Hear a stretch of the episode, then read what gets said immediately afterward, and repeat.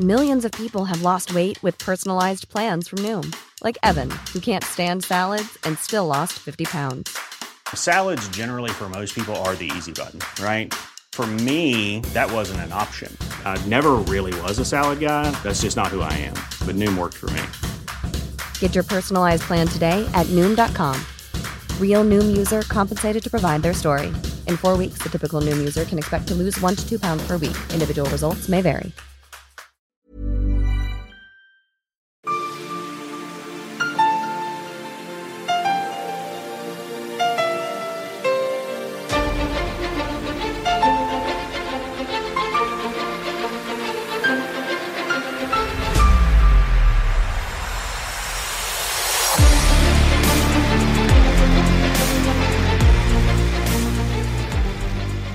Lyssnar på Militärsnack, podcasten där militära saker blir lätta att fatta.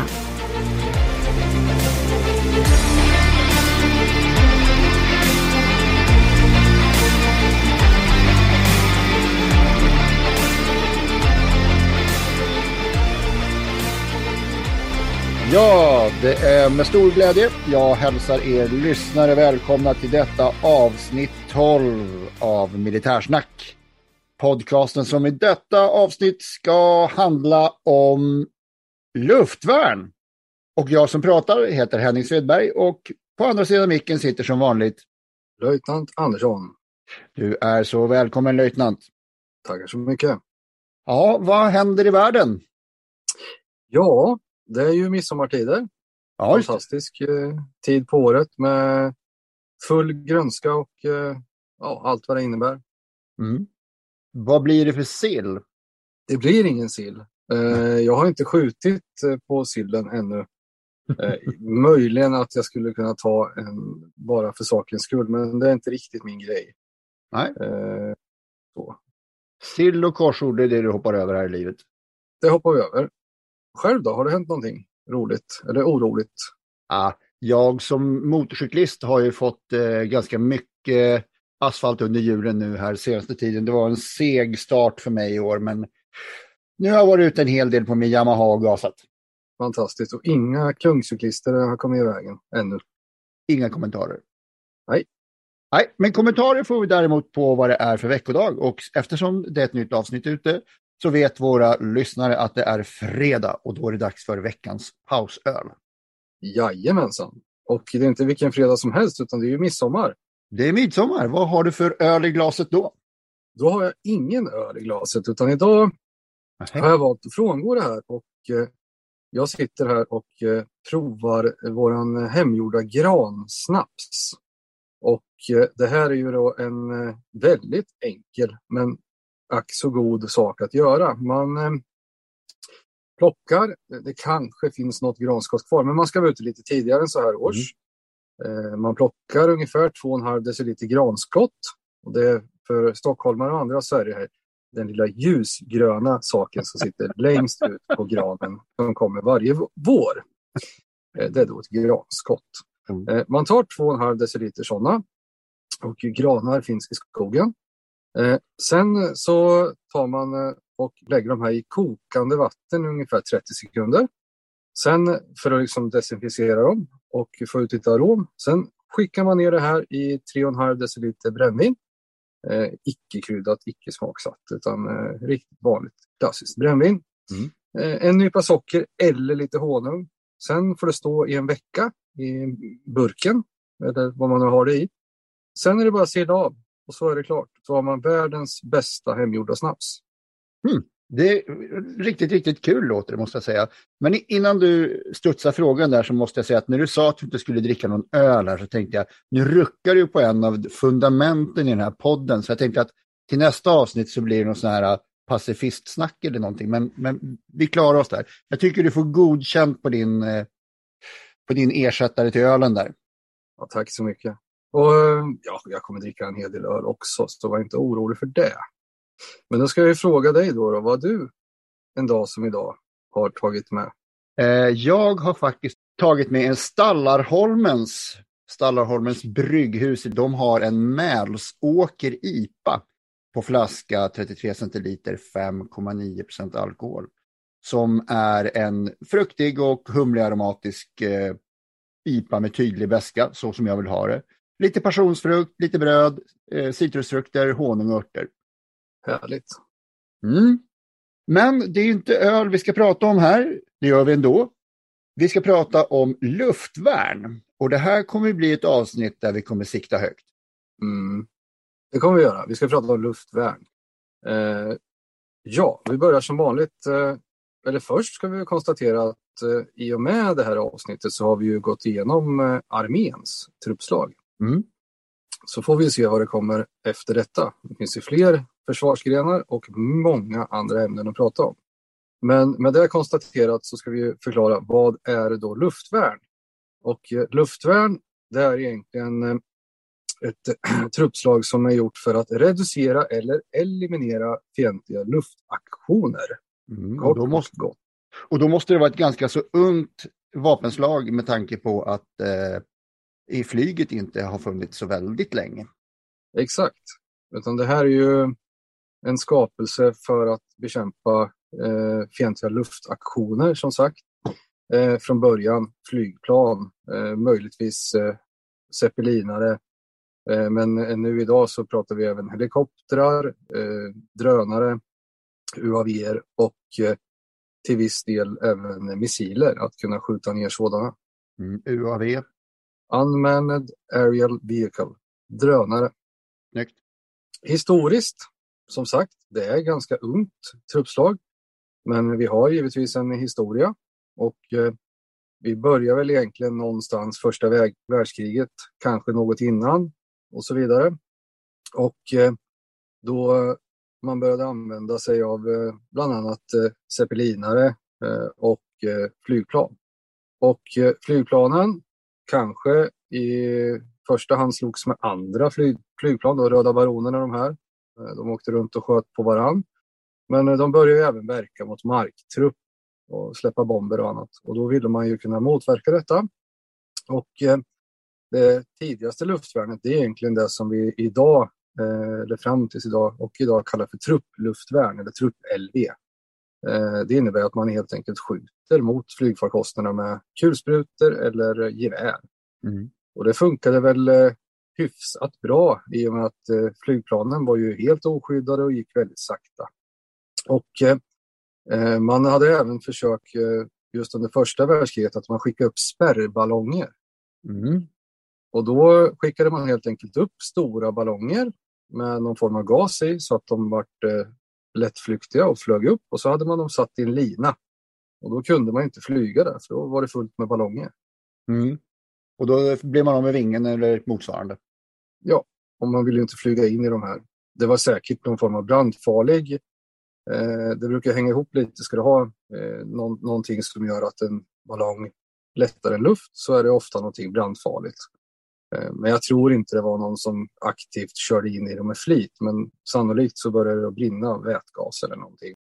Men det var nog inte det primära syftet utan det var ju att se till att ingen kunde flyga där. Sen eh, går vi framåt i historien och då börjar vi få mer dedikerade luftvärnsförband. Eh, oftast med eldrörs-LV, alltså eldrörsluftvärn. Man skjuter kanon eller automatkanon mot flygfarkoster. Eh, små 20 mm automatkanoner, lite större 40 mm. Tyskarnas 88 till exempel, mm. det är ju en flak, alltså en eh, luftvärnskanon i grunden. Beryktad. Beryktad sådan som fungerade alldeles utmärkt mot markmål och pansar men den var ju i grunden gjord som en luftvärnskanon. Mm. Tillsammans med det här eldrörsluftvärnet så utvecklades ju radar för att detektera och eh, se de här målen i tidigt skede. Och även lyssnarförband.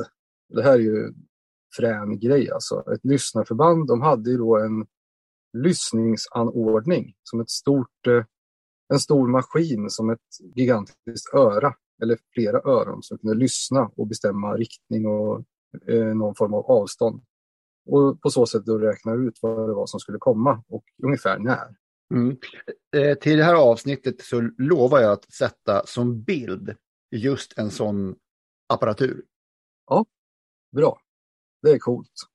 Eh, sen fortsatte det här ju Eh, framåt. Man utvecklade radartekniker, man utvecklade Eldrörsluftvärnet fick bättre granater då med eh, sonarrör och sånt som, så att den kunde explodera eh, även utan att direkt träffa flygfarkosten utan den träff, kommer i närheten tillräckligt nära så kan den explodera och skjuta ut kulor då för att eh, förstöra eller i alla fall eh, försvåra för det här flygföretaget. Och eh, någonting som vi hade i Sverige som jag tycker är väldigt häftigt, det är LUFOR. Mm. Och eh, förutom själva luftvärnet då, luftvärn det finns ju både i marinen och flygvapnet och armén. Eh, bara att flygvapnet och marinen har det ju inte dedikerat som ett truppslag utan ett, ett ytstridsfartyg har ju eget luftvärn. Mm. Och ett eh, jaktplan i sig är ju luftvärn. Men i, i armén så har vi ett eget truppslag. Och för att det här skulle bli effektivt så måste man ju veta för förvarning, vad är det som kommer, när och var. Och då finns det ju radar som jag var inne på. Eh, men sen hade vi ett system som hette LUFOR och det betyder luftförsvarsorientering. Och eh, i grunden så var det tänkt att man skulle sända ut det här på vanliga radion, FM-band, på P2. Mm -hmm. I händelse av eh, ofred eller krig då. Och eh, då hade man speciellt, speciellt kartsystem med LUFOR-kartor över hela Sverige och eh, ett speciellt referenssystem så att om någon sa Xerxes brun, då kunde man hitta det på kartan och se vart det var. Och så kunde man rapportera in antal, typ och i vilken riktning de gick och så vidare och vilken höjd. Och det här skulle då sändas ut på P2, vanlig radiomottagare, så att alla kunde höra det. Mm. Och på övning, när man övar det här, då hade man ett speciellt kanalsystem som man körde lokalt. Så att om vi övar LUFO på en övning i, låt säga Revingehed i Skåne, då sände man det lokalt där. Mm. Eh, man använde inte krigssystemet. Men krigssystemet, när man eh, hade tänkt så som det skulle användas, då skulle man eh, köra det på P2, FM-bandet, och då skulle det pågå ordinarie radioprogram och eh, de tider det inte sändes ordinarie radioprogram, då hade Försvarsmakten skapat en pausmusik Jaha. med tidlösa hits. Och det var ju för att någonting skulle hela tiden spelas på kanalen så att man eh, lyssnade. Så att det inte var tyst. Så då pågick ordinarie program eller så spelade då Försvarsmaktens Greatest Hits. Och eh, var tredje minut så, så sändes det ut en IK, en eh, igenkänningssignal, eh, som en morsekod ungefär. Den, den pep på ett speciellt sätt. Mm. Och det här var ju för att man skulle veta att det inte var att, att det var LUFOR som var igång, att det var LUFOR man lyssnade på. Då kom den här IK-signalen var tredje minut. Och eh, för den, eh, den intresserade så har jag hittat på Spotify Jaha. en spellista som heter LUFOR pausmusik 1-4 1991. Och det lär väl vara kanske då den senaste kända LUFOR-spellistan. Okej. Okay. Eh, Försvarsmakten hade väl de här på CD-skiva kanske i slutet. Jag tror det här fanns kvar, LUFOR fanns kvar till 98 tror jag. Men eh, LUFOR pausmusik 1-4 1991 finns på Spotify. Om det nu är den skarpa spellistan. Men det, jag har kollat och det känns som tidlösa hits verkligen. Mm. Den länken lägger vi i eh, på annonsering att det är ett nytt avsnitt ute. Det gör vi. Och eh, ytterligare anekdot då för att förstå, jag brukar ju säga hur förberedda vi var. Då fanns det ju utöver radar med mer så fanns det ju tornsvalorna. Just, just. Och, eh, det är alltså luftbevakningslottor Lottakåren eh, bistod med de här. Och då fanns det luftbevakningstorn runt om i Sverige, mängder, ja, på strategiska punkter. Och eh, luftbevakningslottan här då, när hon hade fått order om att inställa sig, då gick hon med sin kaffekorg till sitt, eh, det vet ju inte jag, hon kan ha haft med sig vad som helst, men jag vill att hon ska ha haft en kaffekorg. Grankortssnaps? Kanske, kanske. Så gick hon till sitt lilla torn, klättrade upp och satt där då och eh, hade en direkttelefon till eh, central som kunde ringa in. Och eh, hon hade ett flygplats, eller flygplansigenkänningskort som hon kunde se. Och sen förmodligen hade hon väl en kikare och, och ett anteckningsblock. Och då kunde hon se att eh, fientligt flygföretag eh, SU någonting eh, från öst mot väst, eh, hög hastighet, eh, låg höjd. Mm. Och så rapporteras det här ut då på, på LUFOR till mm. förband och civila. De här flygplankorten som du pratar om, jag vet att jag sett sådana och det är, det, det är ju silhuetter framifrån, underifrån och från sidan på massa olika flygplan som är aktuella för regionen och för tidsåldern. Så då kan man se om man har en, två eller fyra motorer, har den fyrkantiga vingspetsar, rundade eller hur de nu ser ut. Så ska man kunna känna igen dem därefter. Precis, det stämmer nog ganska bra. Och det fanns ju även för markstrid eh, sådana här IK-kataloger då med små block med öststatsfordon till exempel, men det fanns även NATO-fordon och då kunde man se hur eh, eh olika stridsvagnar, pansarskyttefordon och så vidare, men även flygfarkoster då och vad som var liksom signifikativt för just den här typen. Ja, och eh, då är vi framme någonstans, eh, Sverige, kalla kriget. Vi har pratat lite eh, lufor och eh, det här kombinerades ju då med olika luftvärnssystem, eldrörsartilleri, då 40 mm automatkanon eh, primärt, fanns ju väldigt många av. Mm.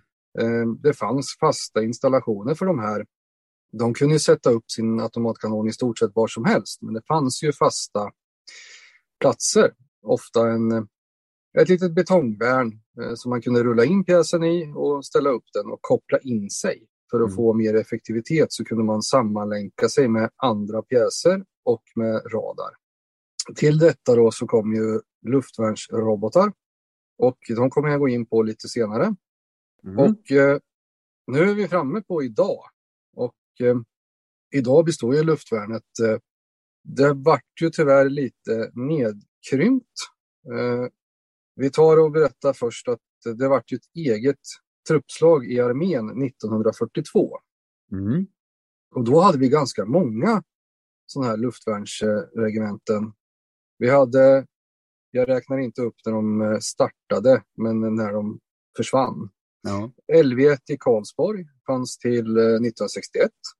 LV2 i, fanns i Linköping till 62 och sen flyttade till Gotland där det var kvar till 00. LV3 Stockholm Roslagen fram till 00. LV4 i Skåne fram till 97. LV5 Sundsvall fram till 82.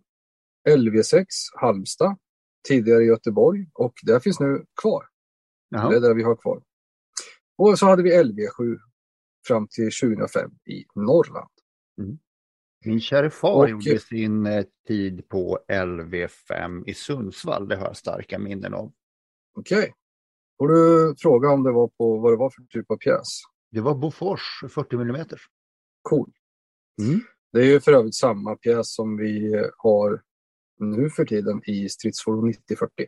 Mm. Det är ah. samma kanon, samma pjäs som man har använt i stridsfordonet men vänt upp och ner. Ja. En rolig grej här. Min far är ju inte någon som spelar datorspel, men det är jag. Och jag spelade fram till invasionen av uh, Ukraina, det ryska spelet War Thunder. Och det tyckte jag var jätteroligt att spela luftvärn. Och sen vid något tillfälle var farsan här så sa jag, farsan sätt dig ner här så ska du, få ska du få skjuta. Så farsan skjuter och han är duktig. Han har inte skjutit på, ja, sen 70-talet när han gjorde sin sista repövning. Det var faktiskt som inflikning av något helt annat faktiskt riktigt kul att se. Han var duktig. Millions of people have lost weight with personalized plans from Noom. Like Evan, who can't stand salads and still lost 50 pounds. Salads generally for most people are the easy button, right? For me, that wasn't an option. I never really was a salad guy. That's just not who I am. But Noom worked for me. Get your personalized plan today at noom.com. Real noom user compensated to provide their story. In four weeks, the typical noom user can expect to lose one to two pounds per week. Individual results may vary. Häftigt. Ja, det sitter i. Det, man ska inte förringa en värnpliktsutbildning oavsett Nej. Eh, vad man har gjort. Det sitter i. Det gör det. Ja, och som jag nämnde då så efter 1942 så fick vi en uppsving med förbanden jag nyss nämnde. Eh, kvar idag är då LV6, luftvärnsregementet, det enda vi har i Halmstad. Och eh, vad gör de då? Jo, som alla andra funktionsförband som vi har pratat om så är de ju i första hand soldater som jobbar med luftvärn. Och eh, de utbildar luftvärn till brigaderna och till Försvarsmakten på markarenan. I och med att eh, marina fartyg och flygfarkoster har sitt eget luftvärn så är det här till för Försvarsmakten och eh, till brigaderna.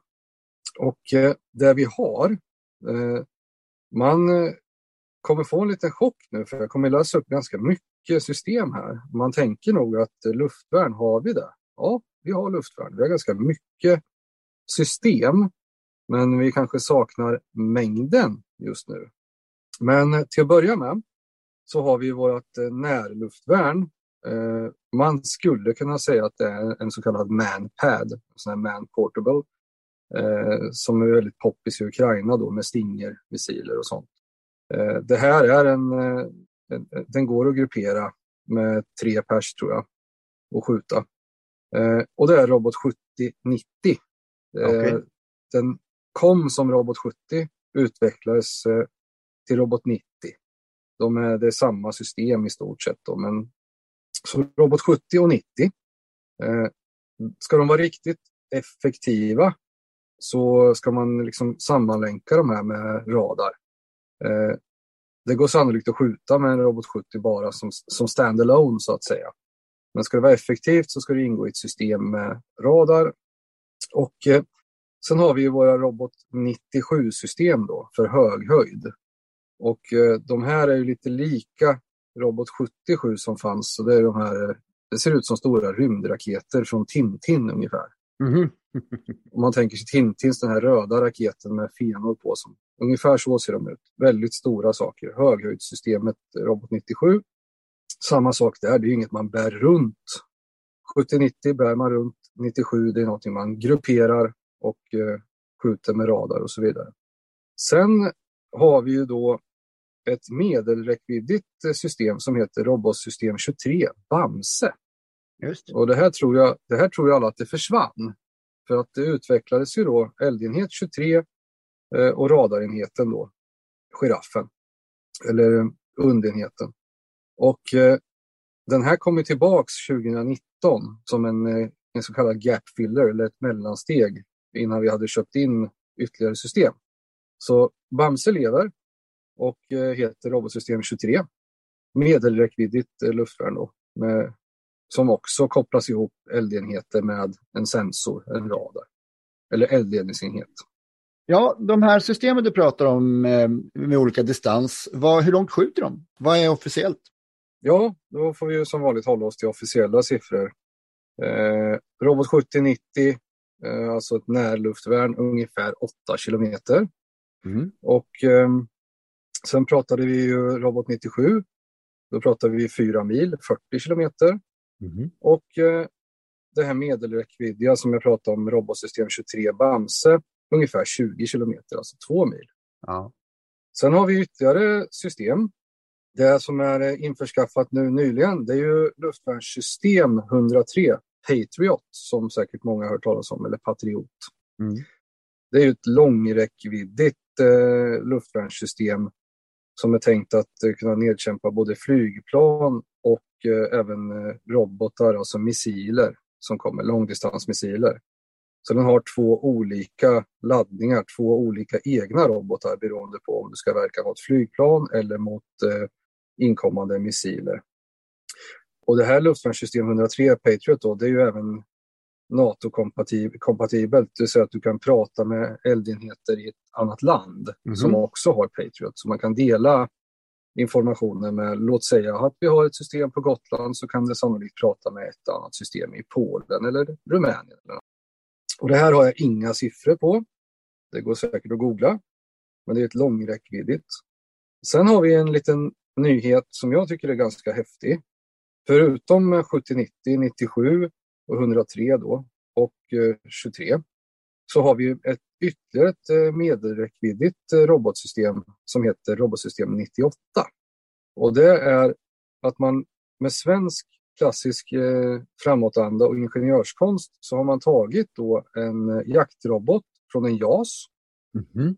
och eh, modifierat den lite grann, framförallt med styr, alltså uppgradering och styrsystemet. Och sen har man eh, lyckats sätta den här på en bandvagn 410. En svensk, eh, vår svenska bandvagn 410 med ett lastväxlarflak, det vill säga ett flak på. Så man lyckats montera på den här jaktroboten på bandvagnen. Och då har man ju skapat ett eh, medelräckviddigt robotsystem eh, med bra eget splitterskydd och extremt god rörlighet i terräng.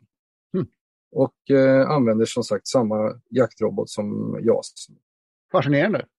Mm, det är häftigt. Sverige är ju generellt sett duktiga på sånt där. Det är samma som vi har pratat om innan med granatkastarbandvagnar och sådana saker. Vi är finurliga och fiffiga på att eh, och archen är ju också en sån grej. Vi tar en dumpers, sätter på en haubits som vi redan har. Så det här är ju ett klassiskt svenskt tänk då. Man applicerar Eh, en teknik på en annan. Jajamän. Den här har jag ingen data på överhuvudtaget, men jag vet att den finns och att den är provskjuten med gott resultat. Mm, bra. Du vet väl att du kan höra av dig till podden och ställa frågor, säga vad du tycker och tänker eller vad det än gäller. På militörsnack.se finns både mejladressen och länkar till samtliga sociala medier där du kan hitta podden. Så med det sagt så har vi ju alltså en, två, tre, fyra, fem luftvärnssystem med robot. Och sen har vi ju ytterligare då eldrörsluftvärn på bataljon och brigad. Eh, som jag, det här tror jag har sagt det här varje avsnitt nu. Plåster på brandstation brandsläckare på vårdcentralen. Men Ja, det är bra. givetvis eh, har vi eget luftvärn även på eh, en pansarbataljon. Ja. Och då är det eldrörsluftvärn i form av luftvärnskanonvagn 90. Mm. Och då är det samma kanon som eh, din far använde på LV5 i Sundsvall. Ja. Det, då har den kanonen varit med riktigt jäkla länge. Jajamensan. Den har varit med länge och det är ju precis som eh, granatgeväret som vi har pratat om innan. Det är också en eh, trotjänare som är bra och därför får den vara kvar. Det finns en gammal, om det är skröna eller om det är en rolig historia vet jag inte nu, men det handlar i alla fall om att någon tysk soldat som begick något brott så att han skulle då eh, åka på krigsrätt och skulle bli eh, avrättad.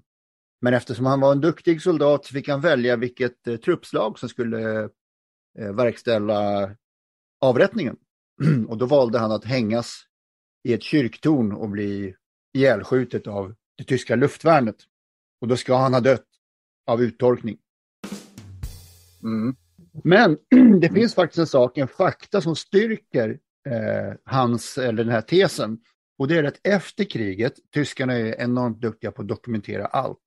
Så räknar man ihop antal nedskjutna ryska, tys, eh, ryska amerikanska och engelska flygplan med, från, eh, som är nedskjutna av luftvärnet och så drog man det med hur mycket skott som hade skjutits. Och då kom man fram till att det var ungefär ett nedskjutet fientligt flygplan per 10 000 avfyrade skott. Mm. Kan tänka mig det. Det är ju även i modern tid om man ser, alltså, eller modern tid, men man ser eh, eh, filmer från Iran, Irak och sånt där när man skjuter eldrörsluftvärn så är det ju väldigt, väldigt mycket ammunition. Det är såna kritstreck från spårljusen och eh, man drar iväg tusentals skott och det är inte säkert att det blir effekt för det.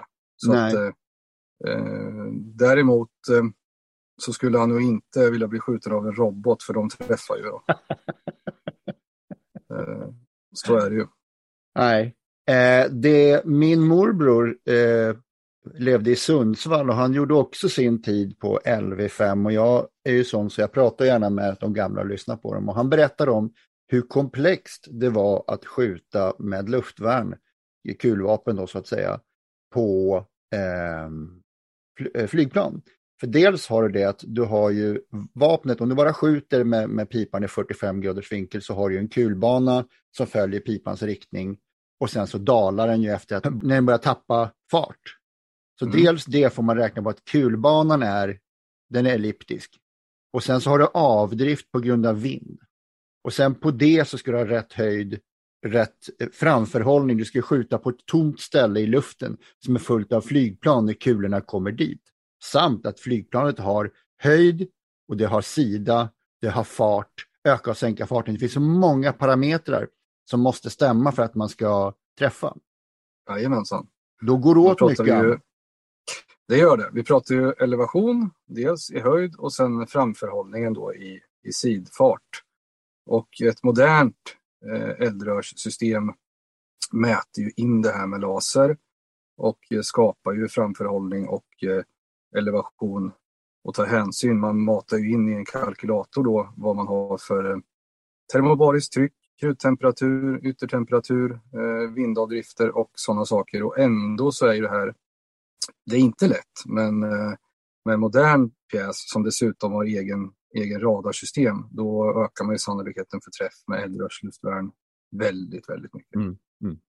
Men på den tiden, utan de systemen, Eh, hade man radar så ökar man ju chansen, men att bara skjuta med eldrörsluftvärn eh, utan tekniska system, det blir som att skjuta kulspruta ungefär. Och då, då kommer det gå åt mycket ammunition och sannolikheten för att nedkämpa är låg. Mm. Men får du in en träff så ett flygplan består ju av vapen, bensin, förare och motor. Så att i stort sett var du än träffar på, flyt, på ett modernt flygplan så blir det ju en nedskjutning.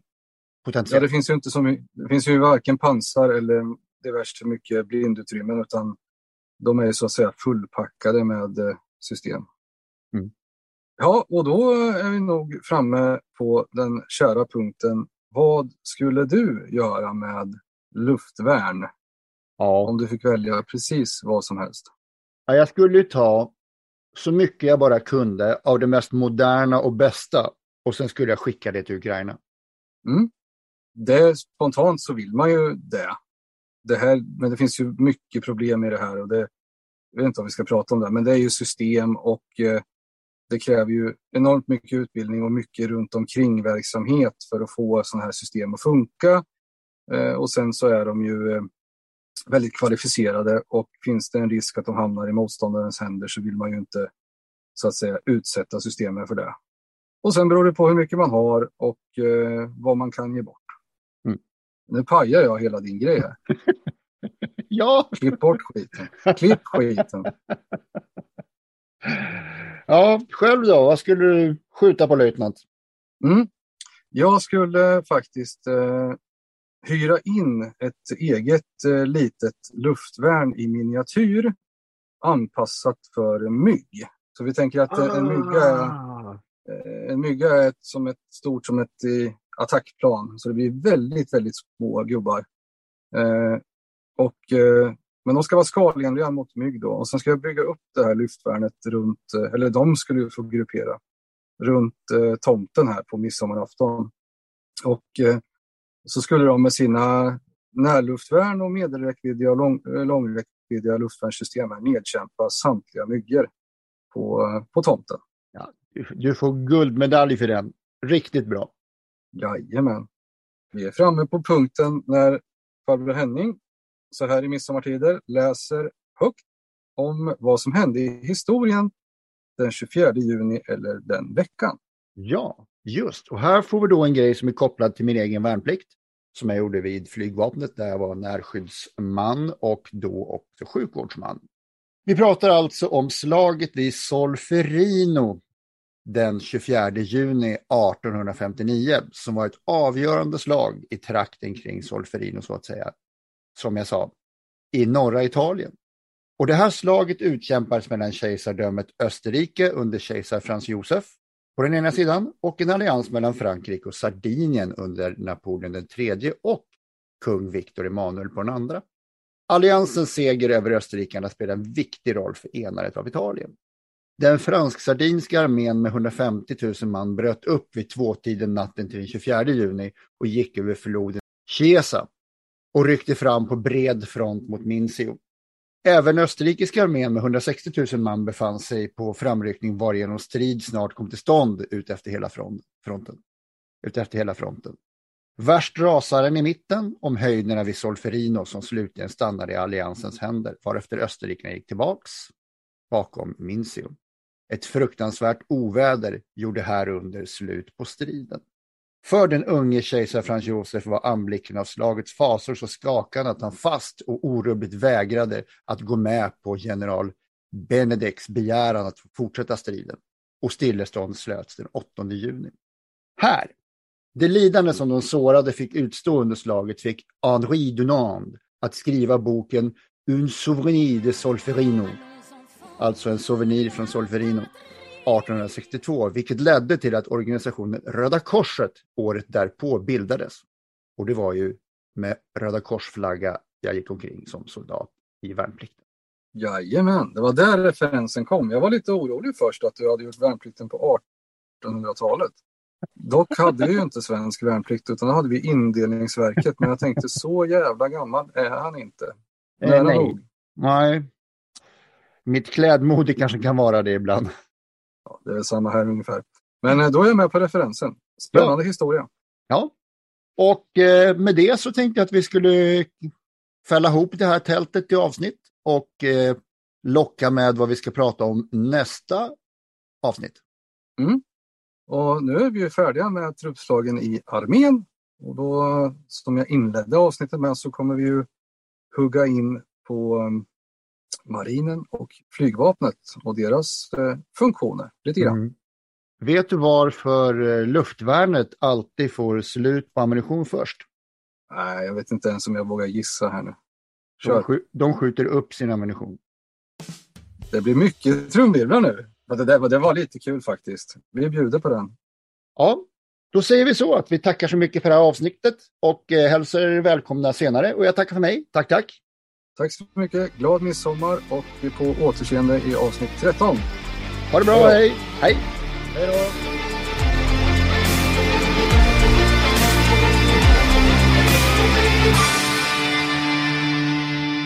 Glöm inte att gilla, dela och gärna prata om vår podd med de vänner du tror skulle gilla den. Tack! Have you ever Googled your own name? Prepare for a shock because your personal info, including addresses and phone numbers, is all out there. It's all harvested by data brokers and sold legally. Aura is a personal digital security service that scans the internet for your sensitive information and provides a full suite of privacy enhancing tools. For a limited time, Aura is offering listeners a 14-day free trial at aura.com slash safety. That's A-U-R-A dot com slash safety to learn more and activate the 14-day trial period.